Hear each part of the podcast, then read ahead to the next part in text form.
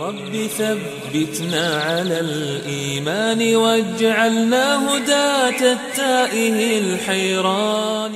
أعوذ بالله من الشيطان الرجيم. بسم الله الرحمن الرحيم. إن الحمد لله تعالى نحمده ونستعينه ونستغفره ونعوذ بالله من شرور أنفسنا ومن سيئات أعمالنا. من يهده الله فلا مضل له ومن يضلل فلا هادي له.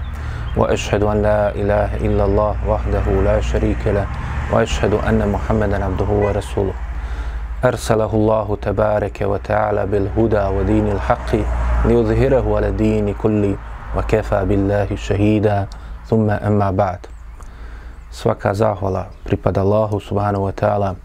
Njega slavimo, njega veličamo. Od njega u ovim mubarek danima tražimo pomoć i oprost za naše grijehe, neka je salavat i selam na njegovog posljednjeg poslanika njegovog miljenika i odabranika našeg predvodnika Muhameda sallallahu alaihi wasallam njegovu časnu porodcu sve njegove ashabe kao i one koji slijede njihov put do sudnjega dana. A zatim i dalje smo u govoru o Mubarek Pici, najvećoj bitki u istoriji Islama, najznačajnijem događaju ili jednom od najznačajnijih događaja u istoriji čovečanstva, a to je događaj koji je desio se u Ramazanu 17 dana Ramazana, druge godine po Hidžri, bitka koja se odvila i dogodila između 300 najodabranih ashaba i još nešto iznad toga, predvođeni Allahom i poslanikom, i između 950 i 1000 mušrika u, kojima, u čijim redovima su bili gotovo sve najvažnije glavešine mušrika, njihovi predvodnici, njihovi prvaci, i oni koji su bili najžešći u borbi protiv Islama. Dakle, to je bio dan Furkana, dan razdvajanja između istine od laži. To je bio dan kada je Allah uzvišeni pomogao svoga poslanika i ovu šaku odabranih muslimana, najodabraniju skupinu među ashabima Allahov poslanika Muhameda sallallahu alaihi ve sellem, pomogao ih i dao im da ostvari tu veliku pobjedu. Allah je svojom voljom odredio da, evo, došao i mjesec Ramazan i ušli smo u njega, a još uvijek govorimo o ovoj bitci. Zato što je ova bitka, koliko god se govorilo o njoj, ne može se dovoljno reći. Jer je ona neiscrpni izvor i dobra, neiscrpni izvor i pobjede jer su sve pobjede koje su došle nakon nje vraćaju se na ovu pobjedu. Svako dobro koje se desilo vraća se na ovu bitku. Zato što je u njoj odbranjen islam, zato što je Allah uzvišeni u ovom danu odbranio islam, razdvojio istinu od laži, pokazao puteve dobra i puteve uspjeha i pobjede na ovome svijetu i onoga čime će čovjek zaslužiti nagradu na onome svijetu. A pokazao je također nam i kako će završiti svi oni koji se suprostave islamu, koji se bore protiv njega, kako će oni koji su na putu zla završiti. Zato, nakon što smo u prethodnim našim druženjima, draga braćo i poštovane sestre i svi oni koji nas slušaju i gledaju, nakon što smo vidjeli kako se odvili događaj bitke na Bedru, želimo sada da spomenemo neke stvari i neke poruke i neke dersove koje možemo uzeti za sebe, to jeste nauk za sebe, koristi za sebe iz ove bitke. To jest, šta je ono čemu nas uči ova bitka? Šta možemo naučiti iz nje?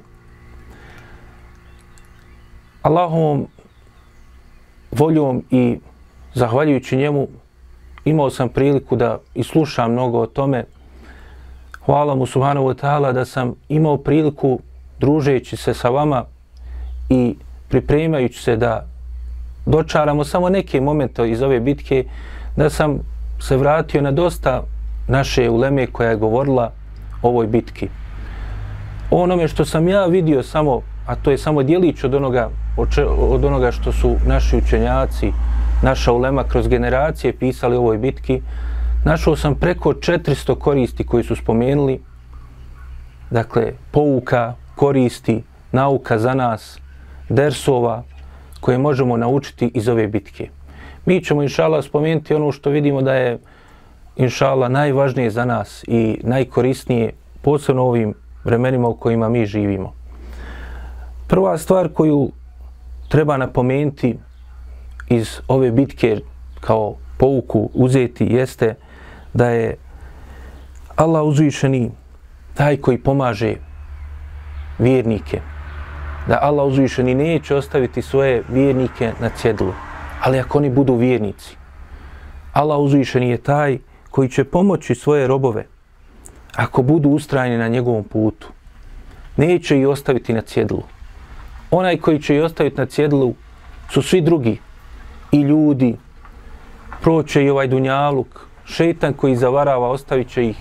Njihova dakle njihov nefs, njihova duša koja i nagovara na loše postupke i ona će na kraju ih ostaviti, izaće iz njih, ali ostaće samo jel, njihov iman i njihova dobra djela.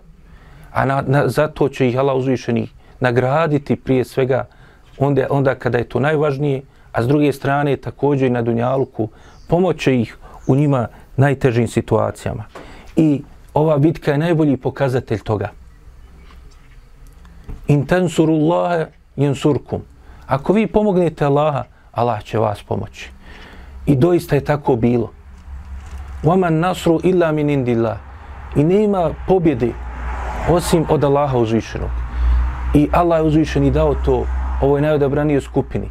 15 godina iskušenja, sabura, ustrajavanja na imanu, hijđre, napuštanje svojih metaka, svojih porodica, gubitak života, glad koji su preživili ovi ashabi da bi na kraju došli do toga da Allah uzvišeni u ovom danu Furkana i zato je između ostalog dan Furkana da razdvoji između istini i odlaži.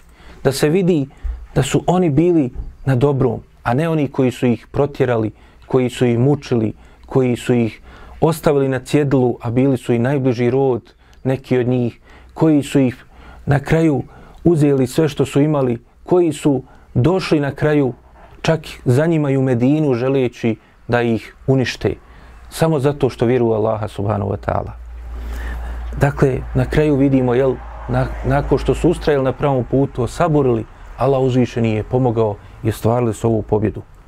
Druga stvar koju je važno napomenuti i koja je velika korist iz ove bitke jeste, dakle, dova dova Allahu uzvišenom, traženje od njega, upućivanje molbi Allahu subhanahu wa ta'ala u svakoj potrebi, a posebno u velikim potrebama. Okrenuti se Allahu subhanahu wa ta'ala, ne ovim prolaznim dunjalučkim nekim vrijednostima ili veličinama ili snazi prolaznoj dunjalučkoj koju danas ljudi imaju, a vidimo kako lako ostanu bez nje. Zato Allahu poslanik sallallahu alaihi ve sellem u ovoj bitki je najviše dovio. Iako je znao da će biti pobjeda vjernicima. Vidjeli smo pred samu bitku, noć prije bitke, pokazuje Omeru radijallahu anhu gdje će koji od tih glavešina, tih zločinaca da skonča. Ali na kraju opet Allahu poslanih sallallahu alaihi ve sellem, još kada se pojačala bitka, još više dovi Allahu uzvišeno. Dovi i traži pomoć, zato što se ne oslanja na sebe, zato što ustrajava na putu, dakle, pokornosti Allahu subhanahu wa ta'ala. I zato Allah uzvišeni u suri Al-Anfal u devetom ajetu kaže id, id testagithune rabbekum festeđabe lekum. Allah uzvišeni kaže i spominje taj moment odnosa i poslanika sallallahu alaihi wasallam i ashaba u bitci na Bedru. A čitava sura El Enfal govori o bitci na Bedru. Po, povodom ove, je, dakle, bitke objavljena je sura El Enfal. I kaže, kada ste vi tražili pomoć od Allaha uzvišenog, on vam je odgovorio. Čime je odgovorio? Ne samo da su ostvarili pobjedu, nego im je čak i meleke poslao. Enni mumiddukum bi elfi min el melaiketi uh, murdifin. Allah uzvišeni kaže, ja ću vas pomoći sa hiljadu meleka koji će jedni za drugima dolaziti. I tako je bilo. Kao što smo videli u događajima bitke da su, dakle, ashabi, dakle, čuli iznad svojih glava fijuk, čuli, dakle, strujanje, prolaženje brzo, dakle, meleka, vidjeli su kako u momentu kada hoće da zamahnu svojim sabljama, kako jel, neko ih je pretek u tome, pa je poslanik sallallahu alejhi ve sellem obavijestio i da su to meleci. I na kraju kada je toliko dovio Allahu poslanik sallallahu alejhi ve sellem, a pored njega Ebu Bekr radijallahu anhu, pa poslanik sallallahu alejhi ve sellem digo svoje ruke u, nebe, u nebesa tražeći od Allaha subhanahu wa ta'ala da im pomogne, pa kaže mu Ebu Bekr, dovoljno je Allahu poslaniće. Čak mu je njegov grtač pao, toliko je digao bio ruke. Dovoljno je Allahu poslaniće, Allah te uzvišeni čuo. I kaže nakon toga, rekao je poslanik sallallahu alaihi ve sellem Ebu Bekru, eno kaže Džibrila, na svojoj, na svome konju, u punoj opremi, dolazi da i predvodi meleke da nam pomogne. Dakle, Allah uzvišeni jel, kada vjernici ustraju u dovi, kada su iskreni u njoj, kada preuzmu te uzroke da bude primljena dova, onda će im se Allah uzvišeni odazvati i dati pomoć. Neće Allah uzvišeni vratiti te ruke prazne. Možda neće dati ono što ljudi traže, ali će im dati možda i bolje od toga nego što su oni htjeli. Možda i neće ispuniti ono što su oni tražili zato što ima nešto bolje što je za njih. Možda će to ostaviti za onaj svijet što je još vrednije. Zato Allah uzvišeni u odlomku sure Bekare koji govori o Ramazanu i postu, vrijednostima posta, propisu, propisima posta, obaveznosti posta, vrijednostima Ramazana, u samom tom odlok, odlomku, dakle između ti ajeta došao je sa ajetom koji govori upravo o dovi. O iza seleke ibadi anni fe inni karib. Allah uzvičeni, nakon što spominje šehru Ramadan, Alladhi unzile fihi al-Qur'an do kraja ajeta, mjesec Ramazan u kojem je objavljen Kur'an, onda kaže, a kada te upitaju moji robovi o meni, reci ja sam doista blizu. Blizu u kojem smislu? U smislu je da Allah uzvišeni čuje naše dove, naše molbe, da nam se odaziva, da Allah uzvišeni nas neće ostaviti na cjedilu. U džibu da'vete da'i i da da'an. Kaže, odgovaram, odazivam se molitelju kada me moli odaziva se Allah uzvišeni jel na te dove onih koji moli Allaha uzvišenog. Ali šta je neophodno za to? Neophodno je ono što je na kraju ajeta reč, rečeno. Jela uzvišeni kaže e, Festajibu li, wali yu'minu bi, la'allahum yarshudun. Kaže, i onda neka se oni odazovu meni. I neka vjeruju u mene, da bi bili na pravom putu. Šta to znači? Neka se odazovu meni u smislu neka krenu pute moje vjere, sirat al mustaqima, pravog puta koji sam vam objavio, neka se vrate na Allahov poslanika, uzmu njega za svoga uzora i njega slijedi njegov put i put njegovih ashaba, uzmu pouke iz ovih dešavanja i života Allahov poslanika, sallallahu alaihi wasallam, i onda će biti na pravom putu. A šta će dobiti za to? Dobit će između ostalog, jel, da im će se Allah uzvišeni odazvati, odazvati na njihove molbe. Mi smo u mjesecu Ramazanu, mjesecu jel, kada se još više Allah uzvišeni približava, približava svojim robovima i odaziva. Također imamo mnoštvo tih jel, dakle, vremena kada se prima dova. U petak, jel, danu petka, pred dakle, završetak dana džume petka, dakle imamo da Allah uzvišeni u mjesecu Ramazanu nam daje dva vremena da se sastavi kada se prima dova. Onome koji posti pred kraj njegovog dana i pred sami iftar, dakle pred završetak njegovog posta i još plus što je, kako je došlo po jednom od mišljenja, dakle da je taj moment, dakle moment pred završetak dana, dakle džume, vrijeme kada Allah uzvišeni se odaziva na dove i prima dove.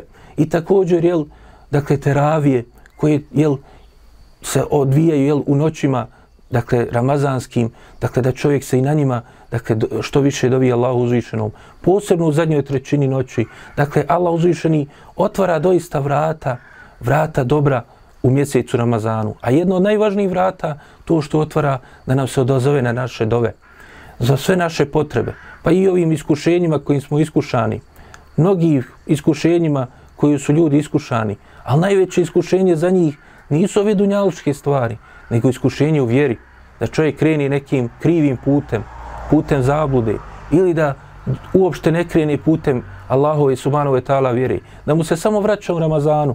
Ne, iskoristi mjesec Ramazan ako se vrati u njemu, da doviš Allahu da te učvrsti, da ustrajiš nakon mjeseca Ramazana, a ne samo u mjesecu Ramazanu. Sljedeća koristi tre, ili treća da kažemo koristi iz ove bitke i ono što nas ona uči jeste da dakle iman i dobra djela su uzrok dakle i jedan od povoda pobjede. I to se vidi jel na primjeru ashaba. Dakle, nakon što su oni jel ustrajali na imanu, u vjerovanju Allaha uzvišenog, na tevhidu, ustrajali u činjenju dobrih dijela, Allah uzvišeni je pomogao. Allah uzvišeni kaže inna lenansurel eh, lanansura rusulana rusulena waladina amenu fil hayati dunja wa jevme yaqumul ashhad. Allah uzvišeni jel obećaje pobjedu, pomoć svojim poslanicima i onima, kaže, koji vjeruju i na ovome svijetu i na danu, kaže, kada će ustati svjedoci, to jeste na sudnjem danu. Dakle, pobjeda i pomoć i na ovom i na onome svijetu. Kaže, mi doista, kaže, pomažemo naše poslanike i one koji vjeruju i u Dunjalku, na Dunjaluku i također, jel, kada se budu ustali svjedoci, to jeste na onome svijetu. Sljedeća korist ili četvrta, da kažemo, korist jeste, dakle, da jedan od uzroka pobjede također i pomoći od Allaha uzvišenog, kao što je vidilo, vidljivo i u ovoj bitci, jeste tevekul, oslanjanje iskreno na Allaha subhanahu wa ta'ala. Dakle, tevekul, oslanjanje na Allaha uzvišenog je jedno od najvrednijih dijela, jedan od sastavnih dijelova jednog imana kod jednog vjernika. Ne, jedan od neraskidivih stvari koje moraju biti u imanu jednog vjernika. Šta znači tevekul na Allaha? Dakle, to je iskreno oslanjanje u Allaha, na Allaha subhanahu wa ta'ala i pouzdanje da će pomoć doći od njega. Dakle, i preoduzimanje uzroka koji su propisani. Ili šerijetski uzroka, ili ovih, dakle, dunjalučki materijalni uzroka, ali koji su potvrđeni kao uzroci za određenu stvar. Dakle, ne ono što su ljudi izmislili ili ljudi, dakle, krenuli i preuzeli uzimajući ono što misle da će im koristiti od sihrbaza, vračara ili tome slično, ljudi koji, dakle, e, ljude zavode, ne, nego onoga što je potvrđeno u medicini, potvrđeno medicinom, u drugim oblastima je potvrđeno ljudi koji su stručni i praksom potvrđeno da je to uzrok. Dakle, to je istinsko značenje tevekula. I to je vidljivo iz postupka i poslanika, sallallahu alaihi veselem, i ashaba u ovoj bitci. Dakle, Allahov poslanik, sallallahu alaihi veselem, oslonio se na Allaha. Dakle, oslonio se, znao je, bez obzira što su oni malobrojni, 300 i nešto naspram 950 do 1000 mušrika. Dakle, malobrojni su od njih. S druge strane, oni su spremni i imaju bolju opremu. Imaju, dakle, puno veću ratnu opremu i snagu nego što imaju ashabi poslanih, sallallahu alaihi wasallam. Oni imaju 600 ljudi pod okopima. Naspram nekoliko oni koji među muslimanima, oni imaju 100 do 200 konjanika, muslimani samo dvojicu konjanika. Dakle, oni imaju preko hiljadu i više, dakle, e, svojih e, jahalica, deva, a muslimani su imali 70. Po trojice se mijenjali na jednoj. Čak i poslanik, sallallahu alaihi ve sellem, videli smo, išao je pješke. Dakle, ali Allahov poslanik, sallallahu alaihi ve sellem, oslonio se na Allaha. I zato vidimo i drugu stvar, ovaj drugi uvjet za ispravan tevekul, dakle, također se pouzdao Allaha i bio siguran da će on pomoći. Pa je, dakle, pokazao Omeru radijallahu anhu i prije bitke da će pobijeti. I u momentima bitke govorio i posticao sahabe, dakle, da će pobjeda biti njihova. A uzo je uzroke, pa je zato dovio Allahu. Zato je pripremio na najbolji način, dakle, redove muslimana, rasporedio ih, Dakle, nisu tek tako ušli, nego su ušli dakle, na precizan način poredani sa preciznom vojnom strategijom u suprostavljanju dakle, pot, protiv puno jačeg dakle, neprijatelja. Zato Allah uzvišeni na mnogo mjesta nas postiče dakle, na tevekul. Na početku same sure El Enfal opisujući dakle, kakvi vjernici trebaju da budu, prije nego što će ući u same događaje bitke, kao što smo to već jednom na našim prethodnim dakle, e, druženjima spominjali, dakle, spominje dakle, opis vjernika, pa između ostalog spominje da se oni na Allaha uzvišenog oslanjaju. A također i na drugim mjestima u suri, dakle, Elenfal to spominje. I kaže, وَمَيْ يَتَوَكَلْ عَلَى اللَّهِ فَإِنَّ اللَّهَ عَزِيزٌ حَكِيمٌ Pogledajmo kako Allah uzvišeni uh, E, u 49. ajetu sure Al-Anfal to spominje. Kaže, a onaj koji se osloni na Allaha, pa doista je Allah Azizun Hakim, onaj koji je sila, moćan i koji je mudar. Kaže šehu Semin tumačeći ovaj ajet u kontekstu upravo bitke na Bedru, kaže, kaže, a onaj koji se osloni na Allaha, Allah je doista, kaže, e, silan, to jeste aziz, znači, kaže, on će i sa svojim izetom, svojom silom, svojom moću pomoći, ali Allah je u tome mudar, hakim, i da će to kada on, kada je najmudriji, dakle, kada je Allah uzvišen i svoje mudrosti odredi da se to desi, kada je najbolji za vjernika, ne kada on misli, nego kada Allah uzvišen i to odredi.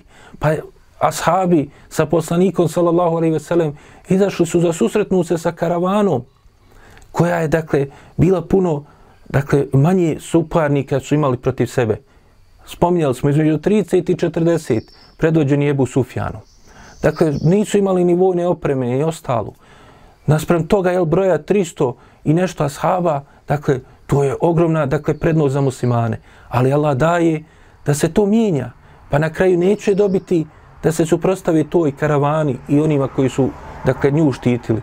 Nego im se suprostavlja između 950 i 1000 mušrika, najspremnijih mušrika, dakle, najveći njihovih boraca, junaka, njihovi najvećih, dakle, e, glavešina, koji su u punoj opremi, sa punom vojnom, dakle, opremom i snagom došli što su mogli da pripreme. Ali oni se, dakle, poslanik sallallahu alaihi ve sellem i ashabi, oslonili na Allaha subhanahu wa ta'ala, preduzeli uzroke, pa im je Allah uzvišeni pomogao, onda kada je bilo najmudrije, ne onako kako su oni htjeli, ono što na Allah uzvišen i odredi, to je uvijek bolje za nas, iako se u vanštini čini kao veliko iskušenje, kao nešto što neće moći podnijeti, ali Allah uzvišeni, dakle neće nikoga opteretiti preko njegovih mogućnosti. I zato također Allah uzvišeni u suri Ali Imran, ajetima koji govore i spominju dakle bitku na Bedru, a onda se nadovezuju na bitku na Uhudu, kaže, kaže, e, in jensurkum la fela galibe lekum. Kaže, ako vas Allah uzvišeni pomogne, niko vas ne može poraziti. A dalje kaže, wa in jahzulkum femen, femen zeledi eh, jansur, jansurukum min dunillah, min badi. Allah uzvišeni onda kaže, a kaže, a ako vas Allah uzvišeni ostavi, prepusti vama samima, ko će vas onda pomoći nakon njega? I doista, ko će pomoći vjernike ako ih Allah uzvišeni ne pomogne? I zato onda Allah uzvišeni zaključuje i kaže, wa ala Allahi fel mu'minun. I kaže, i neka se na Allaha oslanjaju ko? Vjernici. Dakle, vjernici to istinski shvataju, razumiju. I naučili su to i uvjerili se u te stvari. Kao što su jel primjer ashabovoj bitki. Dakle, nisu ni jednog momenta posustali. Nije im bilo lako, vidjeli smo. Nisu, dakle, ni oni, nije im bilo sve jedno, ali su, dakle, vođeni imanom, Dakle, oslonili se na Allaha subhanahu wa ta'ala, pa im je Allah uzvišeni dao pobjedu. I zato Allah uzvišeni također još jednom ajetu spominje u suri Talak i kaže fehuve haspu. Dakle, nakon što spominje oni koji se osloni na Allah uzvišeni kaže, a on im je dovoljan. Vjernicima je dovoljan Allah subhanahu wa ta'ala. Dakle, nakon što preduzmu uzroke, osloni se na Allaha, dakle, Allah uzvišeni neće ih ostaviti na cjedilu. E, sljedeća korist iz ove bitke, peta korist jeste, dakle, vidimo vrijednost borbe na Allahom putu i džihada na Allahom putu. Dakle, šta su, dakle, ovi ashabi postigli i ostvarili za korist svih nas koji smo došli nakon njih. I doista je to vrhunac, dakle, Allahove subhanahu wa ta'ala vjere. Dakle, borba na putu dobra, odbrane dobra, borba, dakle, na suzbijanju zla, suprostavljanju zlu.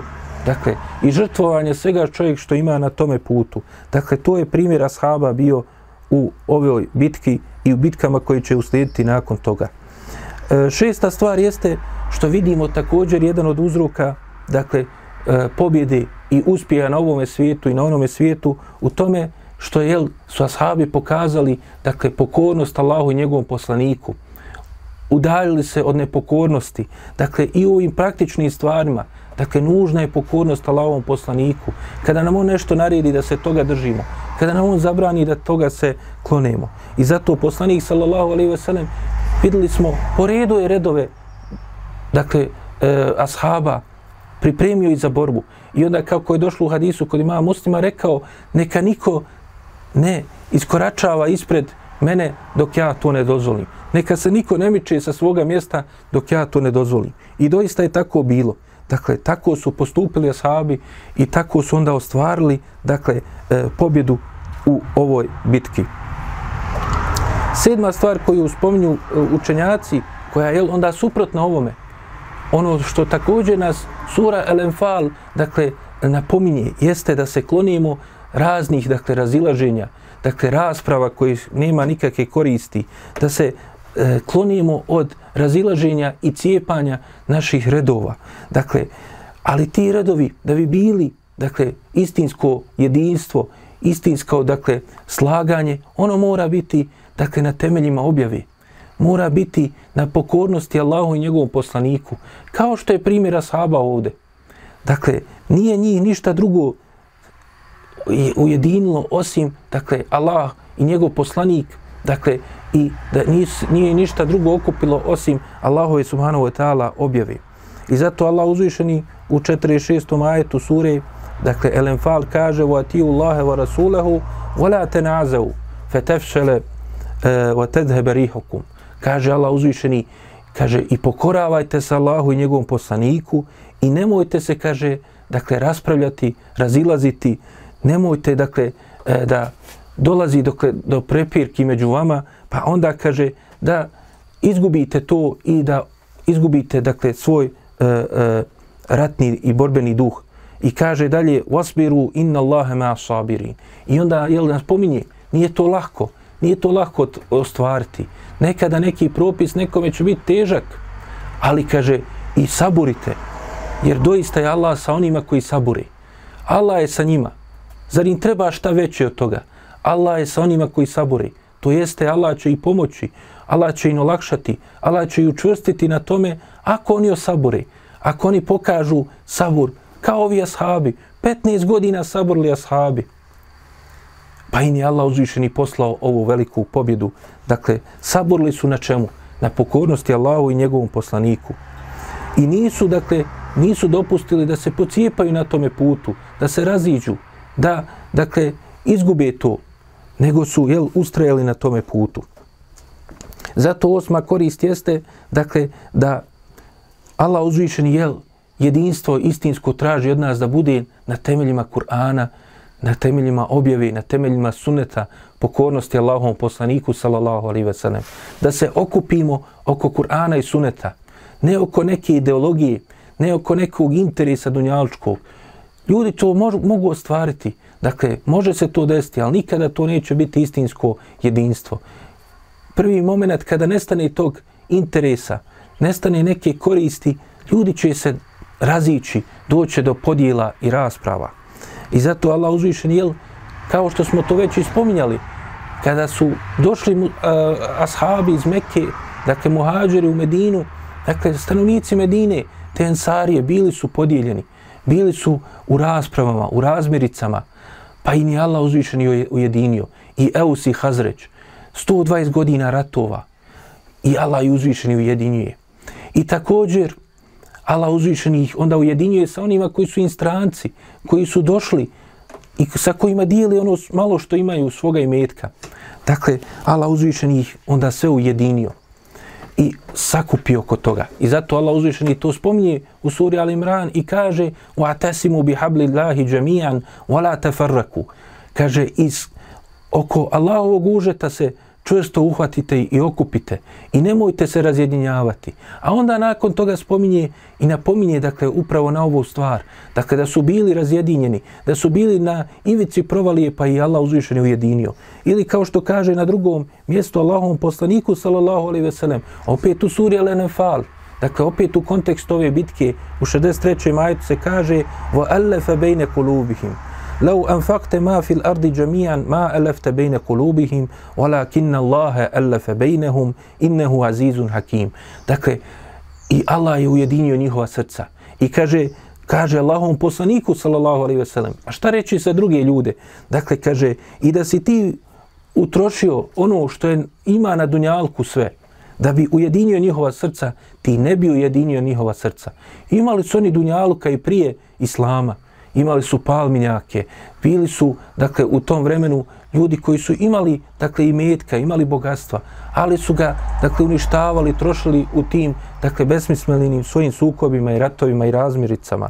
Pa je Allah uzvišeni i kaže, doj, ali, kaže, Allah je uzvišeni taj koji je, kaže, ujedinio između njihovih srca. Dakle, Allah je uzvišeni taj koji je to ostvario. I zato Dakle, neophodno je dakle, da na tome se gradi jedinstvo muslimana. I svako drugo pozivanje neko, dakle, imaginarno, abstraktno jedinstvo, mimo ovih temelja, neće uspjeti.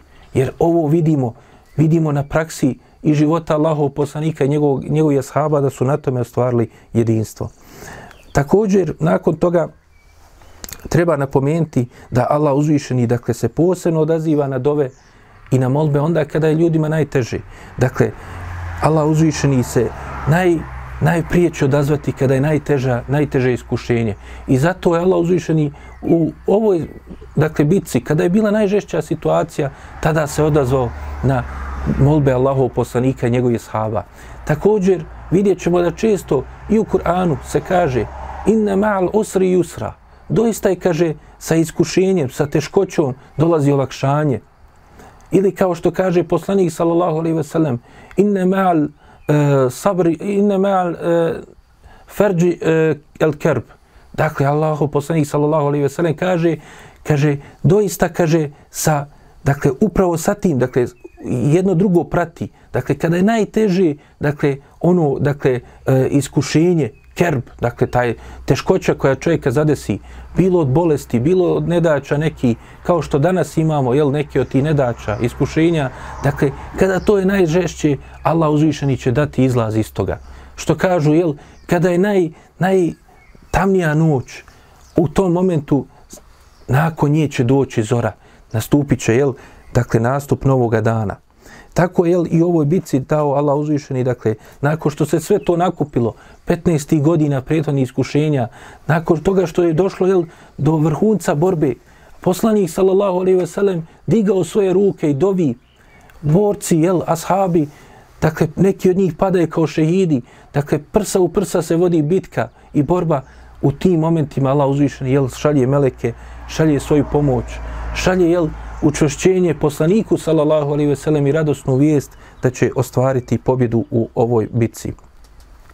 S druge strane šejtan, šejtan jel vidimo njegovu ulogu u ovoj bitki. Dakle, šejtan jel kada su ljudi bili u situaciji, dakle, ovi mušici, da ga slijede, pa i ne došao čak u liku Surake ibn Malika, kada je vidio te meleke kako se spuštaju, onda je, kaže, pobjegao dao se u bijeg, kako Allah uzvišen, jel, to is također spominje u suri El Enfal.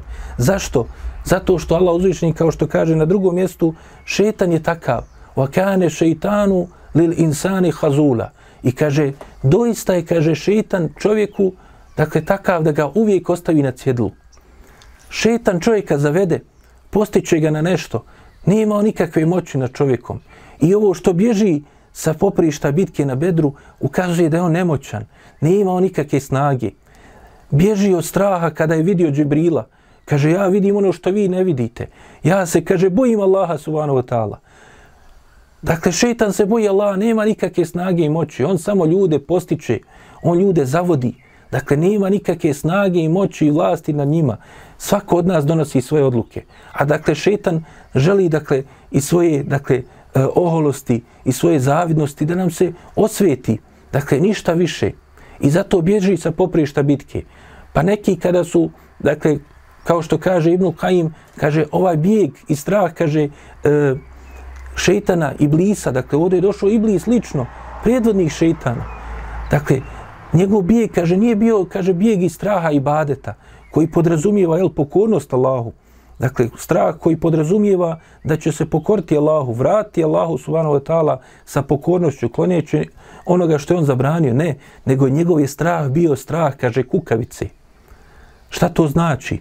Dakle, šetan, on je dovio, kao što u drugim ajetima Allah uzvišeni nas obavještava, dovio i govorio Allah uzvišenom, ostavi me da i zavodim do dana kada će se tebi vratiti, to je do sudnjega dana. Ostavi me do tog dana, pa ga je Allah uzvišeni ostavio.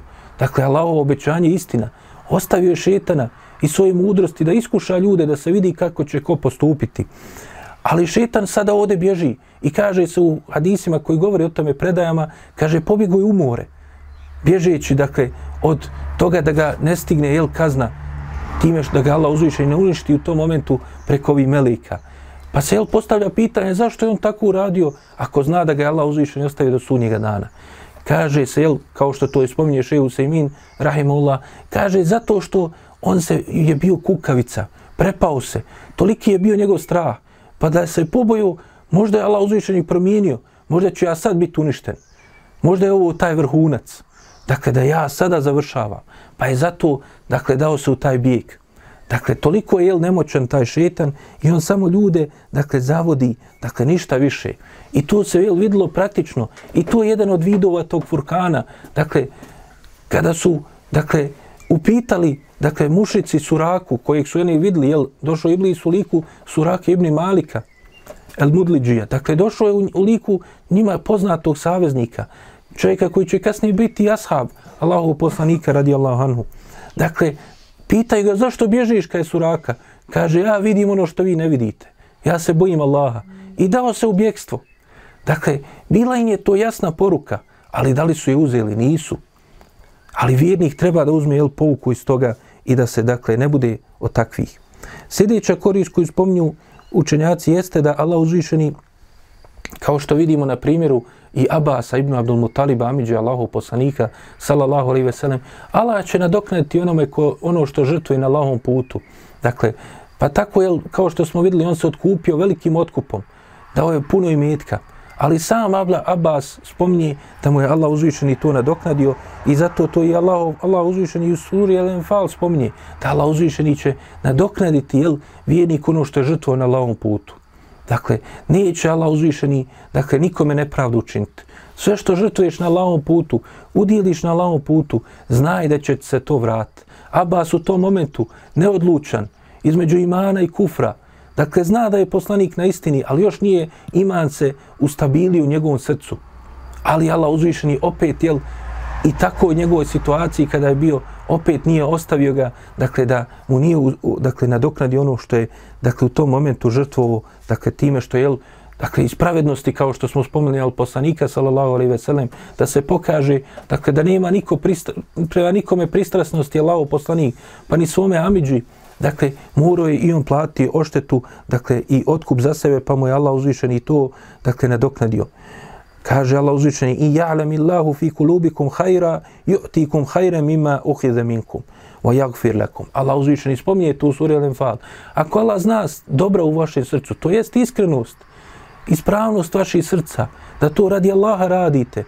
Ako ne radite radi Allaha, onda ako radite radi dunjalka, dobit ćete dunjalku. Ono što ste htjeli, dobit ćete. Ali ako radi Allaha radite, dobit ćete i na Dunjaluku, a i još važnije i na ahiretu. Zato Allah uzvišeni kaže, kaže, ako zna Allah uzvišeni u vašim srcima dobro, da će vam bolje od onoga što ste dali.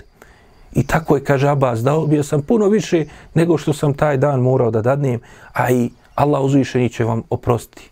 Dakle, što je još važnije na onome svijetu.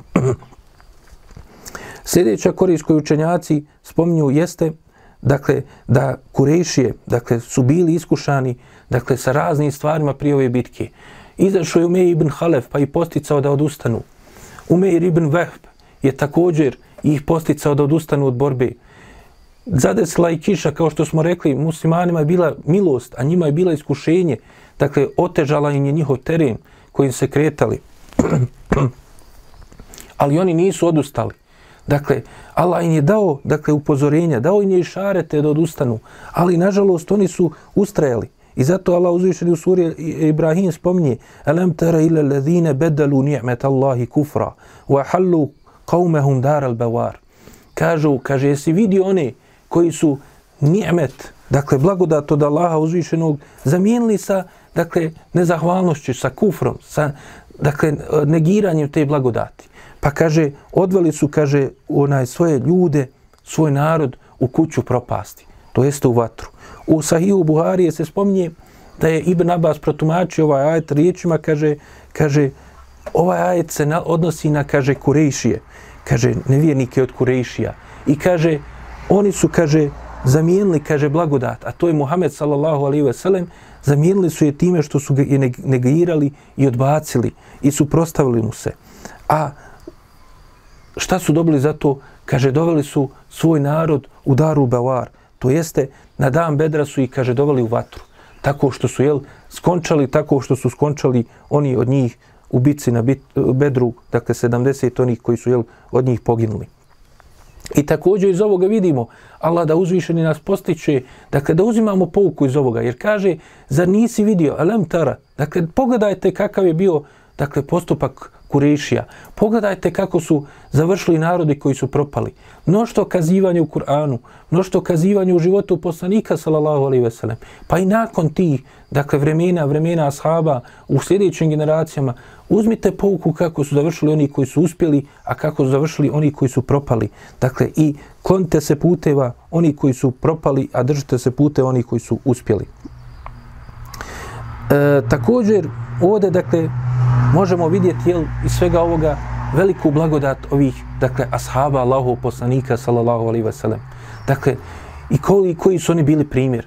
Vidjeli smo primjer Umeira ibn Humama, dakle, koji je držao datule u svojoj ruci, Ramazan, posti, dakle, pa je, dakle, pošao da ih pojede, pa je rekao, kada je čuo poslanika, sallallahu alaihi sellem da požure prema dženetu, kako je došlo u hadisu kod muslima i drugi, dakle, Kaže, požurte ka dženetu čije je prostranstvo nebesa i zemlje.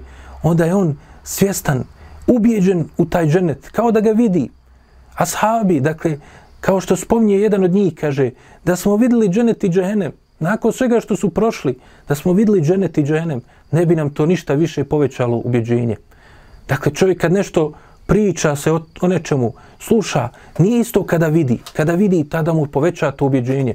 Poveća mu, jel, slaz, gledanje u nečega, uživanje u nekoj blagodati, nego kada je, jel, samo čuo o njoj. A ovi ashabi, dakle, toliki je iman bio kod njih, da je bilo to, kao da su, dakle, to već vidjeli. Kao da su već bili u dženetu. I zato on, kaže, bacio je one datule, nema, nije, nije predug je ovaj život kada je da ga živim, dok pojedem ove datule, a da ne idem ka tom dženetu. I primjer njega i ostali, dakle, čet, dakle on je jedan od tih 14 šehida bitke na Bedru, junaštva drugi ashaba, Zubeira, koji smo spominjali kako je bio precizan, kada se suprostavio Ubejdu ibn Amru, uh, Ubejru, Ubejdu ibn e, uh, Seidu ibn Lasu, pa kaže, ovaj u punoj opremi, samo mu oči se vide ispod oklopa, dakle. Pa je on uspio, dakle, sa svojim kopljem koji imao dvije oštice da probode ga, kaže, upravo taj dio. Pa koliko je jak bio u tome da je jedva posle izvukao to koplje iz njega. Koliko je jak udarac njegov bio. Ili Zubeir, dakle, e, ili Sad ibn Abi Waqas, ili junaci ove bitke čima, koji, koji su imali najveće zasluge u ovom danu, e, Hamza ibn Abdul Mutalib i Ali radijallahu anhu. Također, opet, treba napomenuti i Ebu Bekr i Omer radijallahu anhu. Dakle, Oni su svo, svo vrijeme bili uz poslanika, sallallahu alaihi veselem. Ebu Bekr je bio taj koji je bio u šatoru i čuvao poslanika, sallallahu alaihi veselem. On je bio svo vrijeme prvi do poslanika, sallallahu alaihi veselem, na poprištu bitke. A tu je bio i Omer radijalanu. Kao što kaže Alija radijalanu, poslije kada je nakon njihove smrti pitan za njih, kaže, kaže, govorili smo doista, kaže, nije uradio osim Ebu Bekri i Omer. E, došao je poslanik, sallallahu alaihi veselem, i Ebu Bekri i Omer s njima. Ili otišli su evo, poslanik sallallahu alejhi ve sellem i Abu Bekri i Omer. Dakle, uvijek su bili sa njim. I Omer radijalanu bio taj koji je bio sa poslanikom sallallahu alejhi ve sellem na poprištu, dakle bitke, prije bitke pokazivo mu poslanik sallallahu alejhi ve sellem gdje će završiti mušici, dakle njihove glavešine.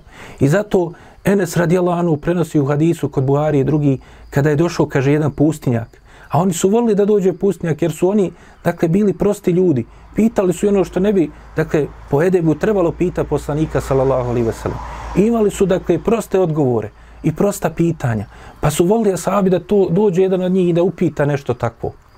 I s ovim ćemo još Allah završiti. Pa kaže, kaže se u tom hadisu, kaže, došao jedan taj pustinjak i rekao Allahom poslaniku, sallallahu alaihi ve sellem, Allahov poslaniće, kada će, kaže, sudnji dan? Dakle, pitanje koje sahabi ne bi upitali. Jer teško je to pitanje, veliko je to pitanje, ne treba o tome brinti. Treba čovjek da se priprema za to. Nije važno kad će doći sudnji dan. I zato poslanik sallallahu alejhi ve sellem kaže mu, kaže: "A šta si ti pripremio za sudnji dan?" Kaže: "Tako mi Allah, nisam puno dijela pripremio, ali ja kaže volim Allaha i njegovog poslanika."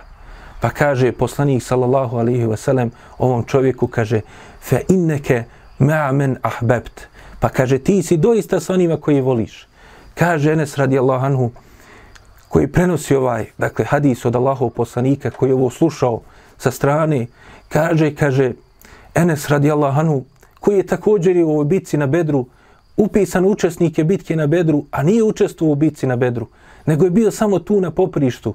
Bio je uz jahalica Allahov poslanika, dakle, služi Allahov poslanika, ali je upisan od jedan, od, kao jedan od Bedrija, zato što je bio sa njima. Kaže, kaže, doista nakon Islama, ništa me više nije obradovalo nego ove riječi poslanika, sallallahu alaihi wasallam. I ja, kaže, volim Allaha i volim njegovog poslanika i pogledajmo šta još kaže Enes radijalanu i volim Ebu Bekra i volim Omera. I nadam se da ću biti sa njima iako, kaže, nisam i dostigao sa svojim dijelima. Dakle, zato što su oni primjer, zato što su oni uzor, zato što su oni oni koji su uspjeli na ovome svijetu i na onome. Pa molim Allaha subhanahu wa ta'ala da nam poveća ljubav prema Allahovom poslaniku i njegovim ashabima, da nas učini od onih koji smo vjerni sljedbenici Allahovog poslanika i puta njegovih ashaba. Molimo ga subhanahu wa ta'ala da nam oprosti naše grijehe, da nam se smiluje, da nam pomogne na putu istine. Molimo ga Subhanu wa ta'ala da oprosti i nama i našim bližnjima i svim muslimanima grijehe u ovom Mubarek mjesecu, da nam olakša iskušenja koji nas su nas zadesila, da otkloni ovu zarazu od nas, da nam vrati blagodati koji su nam uskraćene, da obskrbi sve muslimane sa svojim i svojih riznica, da im olakša ono što je zadesilo od nedaća, da pomogne muslimane na svakom mjestu, a on je to kada da učini Subhanak Allahumma wa bihamdike, ešhedu an la ilaha illa anta astaghfiruka wa atubu ilaik. يا رب ثبتنا على الإيمان واجعلنا هداة التائه الحيران